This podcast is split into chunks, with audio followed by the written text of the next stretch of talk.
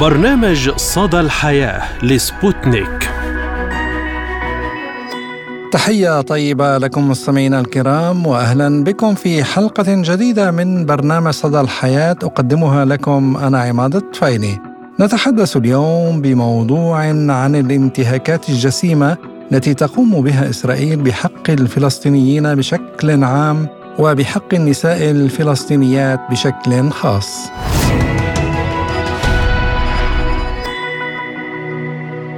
دعت مجموعة من الخبيرات الحقوقيات الأمميات مؤخرا إلى إجراء تحقيق مستقل في احتمال ارتكاب القوات الإسرائيلية انتهاكات أخلاقية بحق نساء وفتيات فلسطينيات.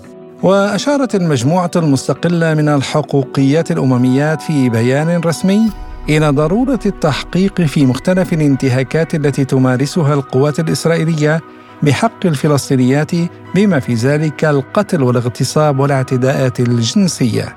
واستدعى بيان المجموعه رد فعل غاضب من إسرائيل التي رفضت هذه الاتهامات ووصفتها بأنها خسيسة لا أساس لها من الصحة.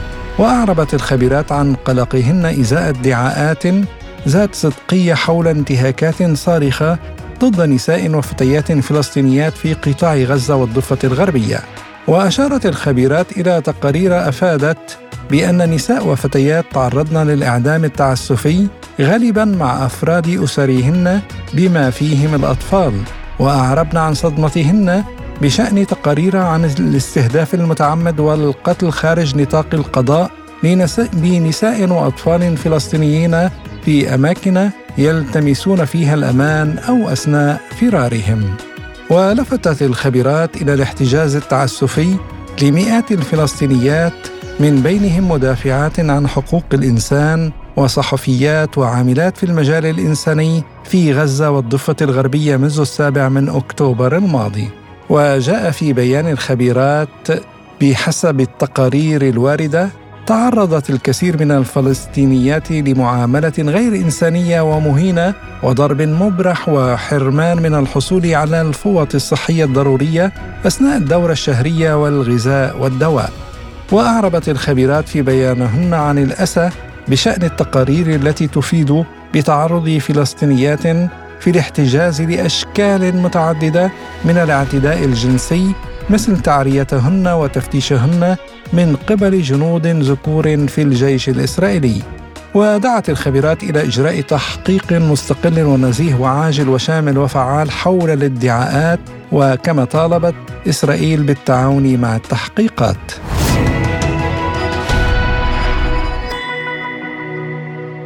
وللتعليق على هذا الموضوع تنضم إلينا من رام الله مديرة مؤسسة فلسطينيات السيدة وفاء عبد الرحمن. أهلا ومرحبا بك في برنامج صدى الحياة على أثير إذاعة سبوتنيك. أهلا فيك أهلا فيكم في المستمعين والمستمعات يعني نتحدث مع حضرتك اليوم بموضوع عن الانتهاكات الجسيمة التي يقوم بها الاحتلال الإسرائيلي بحق الفلسطينيين بشكل عام والنساء بشكل خاص. يعني في هذا السياق دعت مجموعة من الحقوقيات الأمميات في بيان رسمي لضرورة التحقيق الدولي في انتهاكات إسرائيلية أخلاقية بحق نساء وفتيات فلسطينيات في قطاع غزة والضفة الغربية. يعني حبذا لو تضعينا في واقع وحالة حقوق المرأة الفلسطينية في ظل وجود الاحتلال الإسرائيلي؟ أن انتهاكات الاحتلال وهذا مهم أن نتحدث عنه آه، للمستمعين والمستمعات. لم تبدأ في السابع من أكتوبر ولم تبدأ آه، مع بدء الإبادة في قطاع غزة. هي مرتبطة تماما بوجود الاحتلال منذ ال 48 منذ نكبة الفلسطينيين في ال 48 مرورا بال 67 والانتفاضات المتعددة آه، والمتكررة على مدار تاريخ الشعب الفلسطيني. تصاعدت هذه الحملة ضد النساء، مثلا تحدثنا في الانتفاضه الثانية آه، عن النساء اللواتي كنا يلدن على الحواجز أو يمنعن من الوصول إلى الرعاية الطبية ومراكز الرعاية الطبية، آه، الاعتقالات المستمرة للنساء آه، في سجون لا ترقى للبشر بدون أي رعاية طبية، نساء ولدن وأنجبن في هذه السجون، تصاعدت كل هذه الممارسات قبل السابع من أكتوبر وتحدثت الحركة النسوية الفلسطينية عن التحرش الجنسي بالنساء الفلسطينيات آه، سواء آه، في اقتحامات البيوت أو على الحواجز وسجلت الكثير من الحالات حول هذا التحرش مثلا. ولكن بعد السابع من أكتوبر تحول التحرش إلى اغتصاب. يعني هناك توثيق لحالتي اغتصاب تمت ضد النساء الغزيات في السجون الإسرائيلية. وأنا برأيي أن الحالات الاغتصاب أكثر من ذلك. يعني نحن نستمع لشهادات المعتقلين المفرج عنهم في قطاع غزة التعذيب والانتهاكات. لا أعتقد أن العقل قد يتصورها ويتحدثون عن انتهاكات بما في ذلك المفرج عنهن من النساء. يتحدثن عن انتهاكات. ندرك في هذا المجتمع المحافظ بين قوسين أنه من الصعوبة جدا أن تتحدث النساء عن الاغتصاب تحديدا. هذه واحدة من من التابوهات في المجتمع. أحيي جرأة المرأتين اللتين تقدمتا وشهدتا بما تعرضتا له من اغتصاب وليس فقط تحرش وتعذيب غير مسبوق. وأعتقد أن هذا سيشجع نساء أخريات أن يتقدمن ويتحدثن عن هذه الانتهاكات الجسيمة التي طالتهن سواء في الاعتقال سواء اقتحامات البيوت في الضفة الغربية سواء على الحواجز في الضفة الغربية آه، وعلى المجتمع الدولي ان أن يتحرك ان أن لا يصمت على الأقل أن يأخذ ردة فعل شديدة كما فعل في السابع من أكتوبر والادعاءات التي طالت المقاومة الفلسطينيه نريد أن نرى رده فعل مساوية إن لم تكن أكبر. آه، والمطالبة بالتحقيق طبعا نحن نطالب بالتحقيق منذ اليوم الأول في كل جرائم الحرب وفي كل جرائم الإبادة وتحديدا تلك التي طالت آه، نسائنا وأطفالنا ليس فقط في قطاع غزة ولكن أيضا في الضفة الغربية. المنسي قليلا آه، في ظل هذا الدم الشديد النزف الذي نراه على الشاشة. نعم سيدة وفاء أيضا الخبيرات الأمميات آه، دعونا إلى إجراء تحقيق مستقل ونزيه وعاجل وشامل وفعال حول هذا الأمر وطالبت بتعاون إسرائيل مع التحقيقات، هل برأيك ستتعاون إسرائيل مع التحقيقات أم أنها تعتبر نفسها فوق فوق كل القوانين؟ منذ نشأتها وهي تتعامل مع ذاتها أنها فوق كل القوانين. يعني أنا برأيي لن تسمح بتحقيقات مستقلة لأن أي تحقيق سيفضح الأكاذيب الإسرائيلية سواء فيما حدث في السابع من أكتوبر وما تلا ذلك من جرائم آه، وانتهاكات. إن أرادوا الإشارة البسيطة التي قد ترينا أن إسرائيل دولة الاحتلال آه، والإبادة آه، ستسمح بهذه التحقيقات لتسمح بدءا بدخول الصحفيين الأجانب إلى قطاع غزة ليغطوا ليغطوا الإبادة. هي ترفض وترفض بشدة اذا لا أعتقد أنها ستتعاون التصريحات التي قدمتها ضد وكالات الأمم المتحدة وفي داخل أروقة الأمم المتحدة آه، تدل على عنجهيه كبيرة ورفض شديد للقانون الدولي ولمن يطبقون القانون الدولي. وأكثر من ذلك يعني هي مستمرة لا شيء يوقفها ولا أعتقد أنها تتعاون ولا أعتقد أن شيئا آه، سيوقفها. ولهذا مطلوب من المؤسسات الدولية ومطلوب من المجتمع الدولي أن يدين دولة الاحتلال وأن يفرض عليها كما فرض في إبادات وجرائم حرب أخرى. ولا ينتظر الإذن إما أن آه، تطيع القانون الدولي وتنسجم أو تقبل بمحددات القانون الدولي وإما أن يفرض عليها حصار كما فرض مع دول أخرى. يعني لا يجب أن تبقى فوق القانون لنشجع عصابات أخرى ودول أخرى وديكتاتوريات أخرى ومجرمين أخر. لكي يرتكبوا الجرائم والفظائع التي ترتكبها إسرائيل. نعم يعني وفي آخر تصريح يعني في هذا السياق ممثل روسيا في محكمة العدل الدولية دعا إلى محاسبة إسرائيل على خروقاتها للقانون الدولي الإنساني في غزة. يعني برأيك هل يعني سنصل إلى يوم ما تحاسب فيه إسرائيل على جرائمها بحق الشعب الفلسطيني؟ الأمنيات لن تنقذ الشعب الفلسطيني الأمنيات لن توقف الإبادة في قطاع غزة ولن توقف الإبادة غير المرئية في الضفة الغربية يعني التعبير مع كل احترامي لكل الدول التي تنادي بمحاسبة إسرائيل يعني هي تنادي ولكن لا تتحرك لا تفعل أكثر من إصدار البيانات. هذا لا يكفي مع آلة الإجرام والإعتداء. يعني مطلوب من روسيا مطلوب من الصين مطلوب من الاتحاد الأوروبي. آه، لن أقول أمريكا. مطلوب منهم أن يكون هناك فعل على الأرض وليس فقط مطالب آه، شفوية. آه، ولنبدأ بإيصال المعونات لقطاع غزة للشمال يعني حين ترفض. وهذا هذا أبسط حق لناس تتعرض للإبادة يعني عدم قدرة كل هذا المجتمع الدولي. وهذه القوى العالمية على أن توصل قارورة ماء لطفل عطشان في شمال قطاع غزة. تحدث عن مجاعة في الشمال. تحدث عن قدرة الناس عن عدم قدرة الناس على الاستمرار في الحياة. أن نصدر بيانات وبيانات. حتى داخل أرزقة المؤسسات الأممية لم يعد هذا يكفي. يعني الإبادة تتطلب عمل آه، لحوح وسريع وفعال.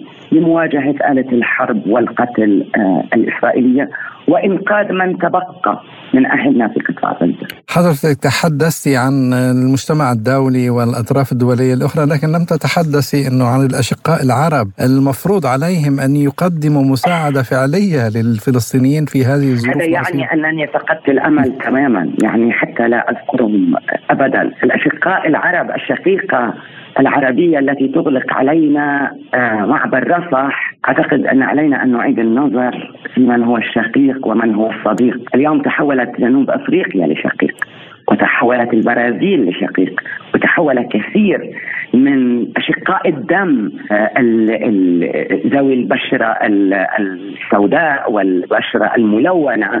تحولوا لأشقاء لنا أكثر من ممن يجمعنا بهم آه لغه اللغة والتاريخ المشترك كما كنا نتغنى في المدارس، الحقيقة فقدنا الأمل، فقدنا الأمل تماما، يعني جامعة الدول العربية، المؤتمر الإسلامي غير قادر على الضغط على الشقيقة مصر أن تفتح المعبر للجرحى لخروج جرحانا أو لإدخال المساعدات. دون خوف من دولة الاحتلال. أعتقد أننا جميعا فقدنا هذا الأمل. هذا لا يعني أننا ننتقد آه، ولدعنا ننتقد الشعوب العربية. يعني اعتادت الشعوب العربية على منظر الدم وعلى منظر المذبحة ولكي لا أقول أن اللوم فقط للقيادات العربية وللدول الحكومات العربية التي فقدنا الأمل فيها.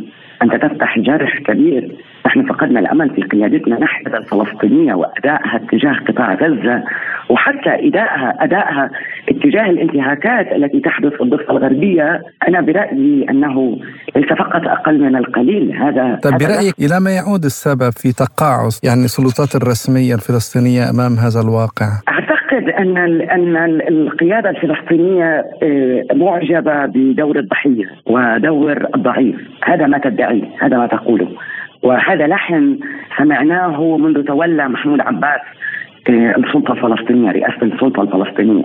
نحن ضعفاء لا نستطيع أن نواجه قوة الاحتلال الإسرائيلية. نحن ضعفاء ننتظر أمريكا إلى آخره. ولكن حين تأتي المذبحة والإبادة هذا خطاب غير مقبول. محمود عباس فرض على الشعب الفلسطيني أن يدفع ويساهم من أجل إنقاذ القدس. أن يدفع شهريا شركات الاتصالات شيكل هو أقل من دولار. لم يقم بهذا لم يقم بهذه المبادرة الصغيرة لإنقاذ أهلنا في قطاع غزة بمبادرة شبيهة. وأهل الضفة جميعا يريدون أن يدفعوا ويريدون ويشعرون بهذا العجز الشديد، لم يقم بهذه المبادرة الصغيرة، لو كنت مكان محمود عباس منذ اليوم الأول للاعتداءات الإسرائيلية في السابع من أكتوبر على قطاع غزة لوقفت وقلت أنا أمثل هذا الشعب. في كل مكان. وما يحدث في قطاع غزة كأنه يحدث لي أنا شخصيا. لخرج وأصر أن يلتقي بقيادة حماس وأصر على إنهاء الانقسام وأن هذا دم واحد وأن الاله الحرب العدوانية الإسرائيلية لا تفرق بين من هو حماس ومن هو فتح. لو كنت محل أو مكان محمود عباس في أي لقاء مع الدول العربية التي أجلت اجتماعها الطارئ وغزه تذبح من الوريد إلى الوريد لوضعت الحذاء على الطاولة. وقلت لهم سأنهي هذه السلطة وأسلمكم هذه المفاتيح. ينهي السلطة ولكن لا ينهي منظمة التحرير. ويخرج ويقود الشعب الفلسطيني من الخارج. هذا ما تفعل قيادة مسؤولة. ولكن خذلان شعورنا شعورنا بهذا العجز وشعورنا بهذا الخذلان الذي يبدأ من البيت. لا يستطيع أحد أن يتصوره. اليوم نقول ليت اليمن جارتنا من من الجهات الستة. نقول ليت لبنان جارتنا من الجهات الأربعة. والستة تعني السماء والأرض للتوضيحات أن نصل لهذه المرحلة مرحلة فقدان الأمل من من الجميع. هذا هذا يعني وضع حزين و يدفعنا للغضب. الحقيقة نحن غاضبون وغاضبون جدا. طيب سؤال أخير سيدة وفا نعود إلى الموضوع الرئيسي لهذه الحلقة. يعني البعثة الإسرائيلية في جنيف سارعت إلى التنديد ببيان مجموعة الحقوقيات الأمميات معتبرة أنها أن الخبيرات مدفوعات بكراهيتهن لإسرائيل وليس بالحقيقة تعليقك على هذا طبعا. الأمر. طبعا دائما الجملة والاتهام جاهز. حتى لليهود الناجين من المحرقة وينتصرون للحق الفلسطيني. التهمة جاهزة أنتم لا ساميين أنتم أعداء اليهود. وسيلف هيتنج جوز إنه آه، آه، اليهود الكارهين لأنفسهم. يعني هذه ردة فعل جدا متوقعة. وأعتقد أن النسويات الأمميات يعني توقعناها ويتوقعنها قبل أن يخرجنا آه، هذا البيان. وأعتقد أن كثير من النسويات اجرمنا في حق الشعب الفلسطيني بدءا حين نشرنا السابع من من أكتوبر وبدون أي انتظار وبدون أي تحقق ونشرنا بيانات عمليا هي تشجب وتلعن كل الشعب الفلسطيني وليس فئة واحدة منه، هل هذا شعور بالذنب أن يخرجنا ببيان لإنصاف الفلسطينيات؟ لا أعتقد أن من وثق هذه الحالات هي مؤسسة أممية، ليس نحن كفلسطينيات، وعليهن أن يصدقن ما تقول الضحية. هذا آه، ما خرج في بياناتهن جميعا. إسرائيل ستستمر في مهاجمة كل من يقف مع الفلسطينيات ومع الفلسطينيين. نعم مديرة مؤسسة فلسطينيات السيدة وفاء عبد الرحمن شكرا جزيلا لك على هذه المداخلة القيمة. شكرا لك بدوره يقول محامي مؤسسة التضامن الدولي لحقوق الإنسان الدكتور فارس أبو حسن عن هذا الموضوع. المنظومة الدولية آه، المتعلقة بحقوق الإنسان أمام امتحان تاريخي آه، وللأسف أنه آه، يعني أثبتت هاي المؤسسات أن هناك ازدواجية في المعايير. النظرة والمتابعة والإدانات ويعني الوقوف في وجه الانتهاكات بحق من يمارسها في العالم. هاي المؤسسات عم يعني بتفرق بين ما يتعرض له الفلسطيني وما يتعرض له غير الفلسطيني أو إن كان هناك يعني في أوكرانيا بعض الانتهاكات مثلا يعني. المطلوب أن يكون هناك يعني وقف لسياسة ازدواجية المعايير من قبل المؤسسات والداعين آه، والراعين لمبادئ حقوق الإنسان. آه، واضح إنه العالم كله يشاهد يعني جريمة آه، تاريخية بحق الشعب الفلسطيني من إبادة جماعية من تجويع من قتل خارج نطاق القانون. يعني ممارسات تندى لها جبين الإنسانية وللأسف إنه العالم والمؤسسات والدول تقف عاجزة آه، أمام وقف آه، هذه الجرائم التي ترتكبها إسرائيل في قطاع غزة. آه، وللأسف أيضا بأنه إسرائيل يعني تكذب على العالم وتعطي صورة بأنها تمارس نوع من الإنسانية بأنها توجد أماكن آمنة للنازحين والمشردين والهاربين من جحيم القصف والتدمير فتوفر إسرائيل حسب ادعائها مناطق آمنة. ولكن حتى المناطق الآمنة التي تدعي إسرائيل توفيرها للشعب الفلسطيني تمارس فيها كل أنواع القتل والإجرام والإغتصاب وأبشع أنواع الانتهاكات بحق الأطفال والنساء والشيوخ وكل من يتحرك في قطاع غزة. حتى الحيوانات لم تسلم من آه، آه، الجرائم الإسرائيلية. حتى لا يبقى للفلسطيني شيء يعتاش آه، من خلاله. يعني شاهدنا قبل أيام فيديو لقنص خرفان يعني دواب. ممكن إنه الفلسطيني يعني يعتاش أو يأكل هاي الخرفان ولكن حتى يحرمه من هذا المصدر للحياة أو للطعام قام بقنص آه، هذه الحيوانات. يعني للأسف إنه العالم يشاهد هذه الوقائع بالصوت والصورة آه، ولكن آه، يقف صامت وعاجز أن يوقف هذه المذابح وهذه الانتهاكات وهذه الجرائم. وأنا طبعا أضم صوتي طبعا لصوت هؤلاء الحقوقيات بإجراء تحقيق. وإسرائيل على فكرة يعني على مر السنوات الماضية سنوات الاحتلال سنوات الحروب التي خيضت ضد غزة.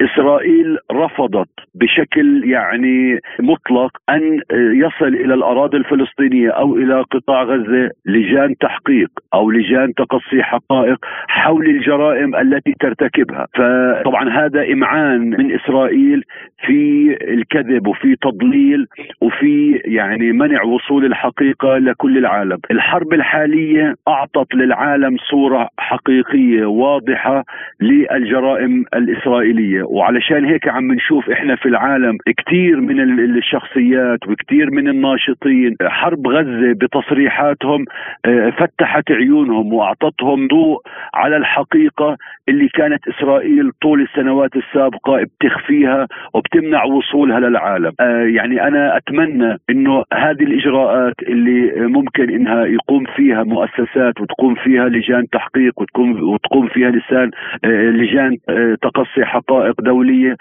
أن يعني تجبر إسرائيل على إنهاء احتلالها للشعب الفلسطيني ويعني الوصول لاتفاق يرضي جميع الأطراف.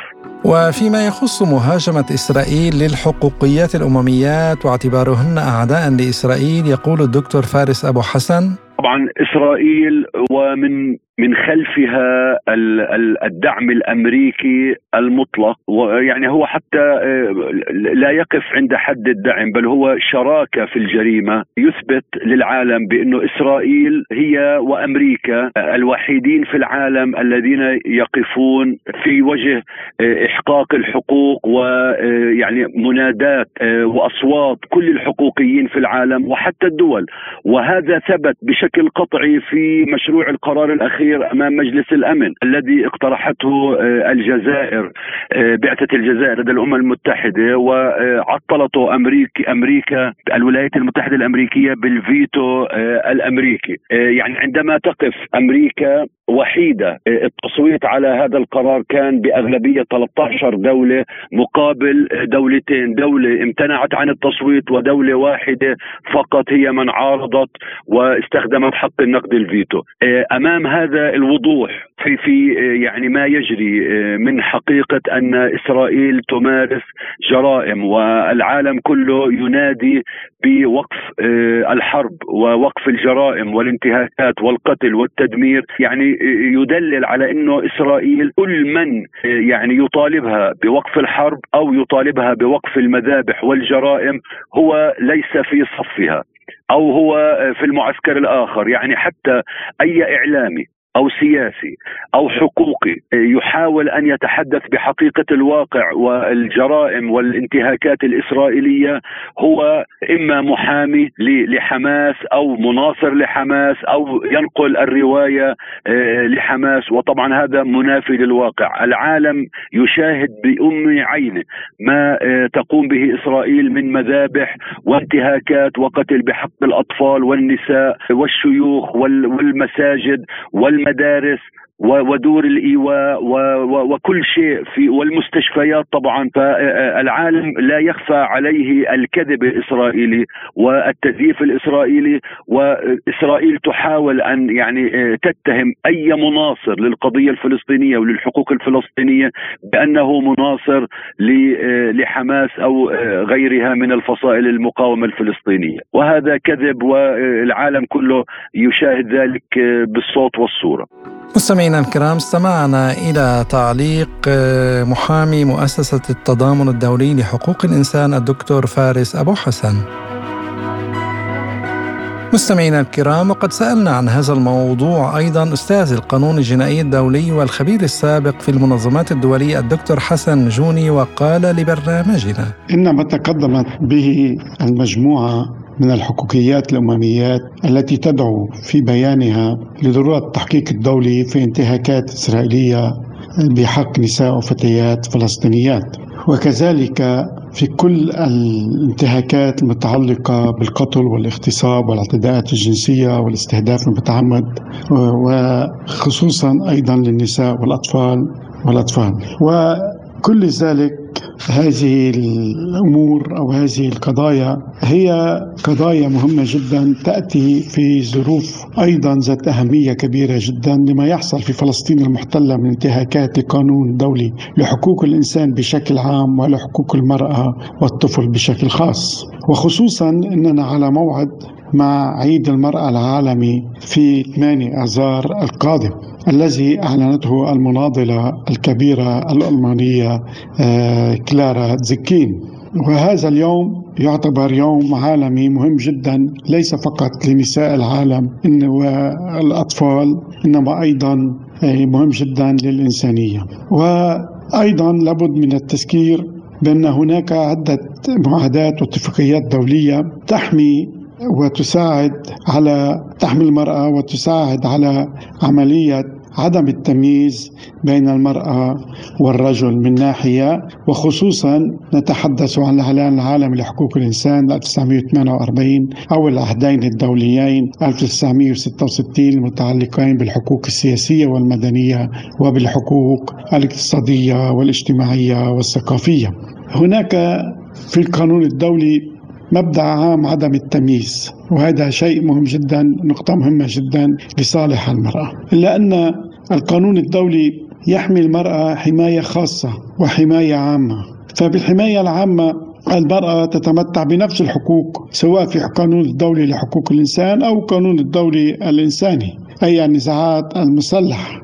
فمن حيث حمايتها كمدنية المدنيين أو إذا كانت عسكرية حمايتها أيضا من الناحية العسكرية. وهناك حماية عامة سواء في اتفاقية جنيف الثالثة أو اتفاقية جنيف الرابعة.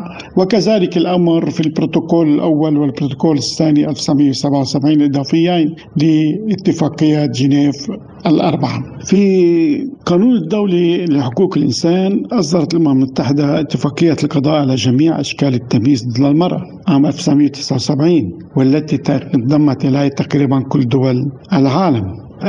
ذلك وكذلك أصدرت الأمم المتحدة في 25 تشرين الثاني 1999 الإعلان العالمي للقضاء على العنف ضد المرأة والفتاة.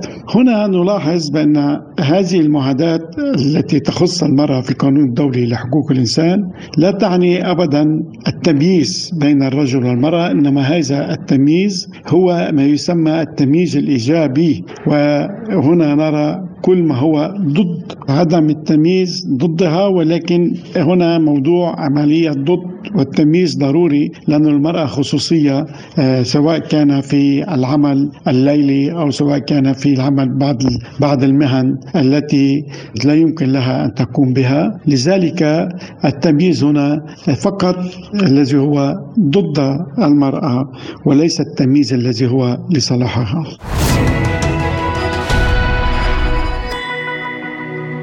مستمعينا الكرام إلى هنا تنتهي حلقة اليوم من برنامج صدى الحياة. قدمته لكم أنا عماد فايلي شكرا لإصغائكم وإلى اللقاء.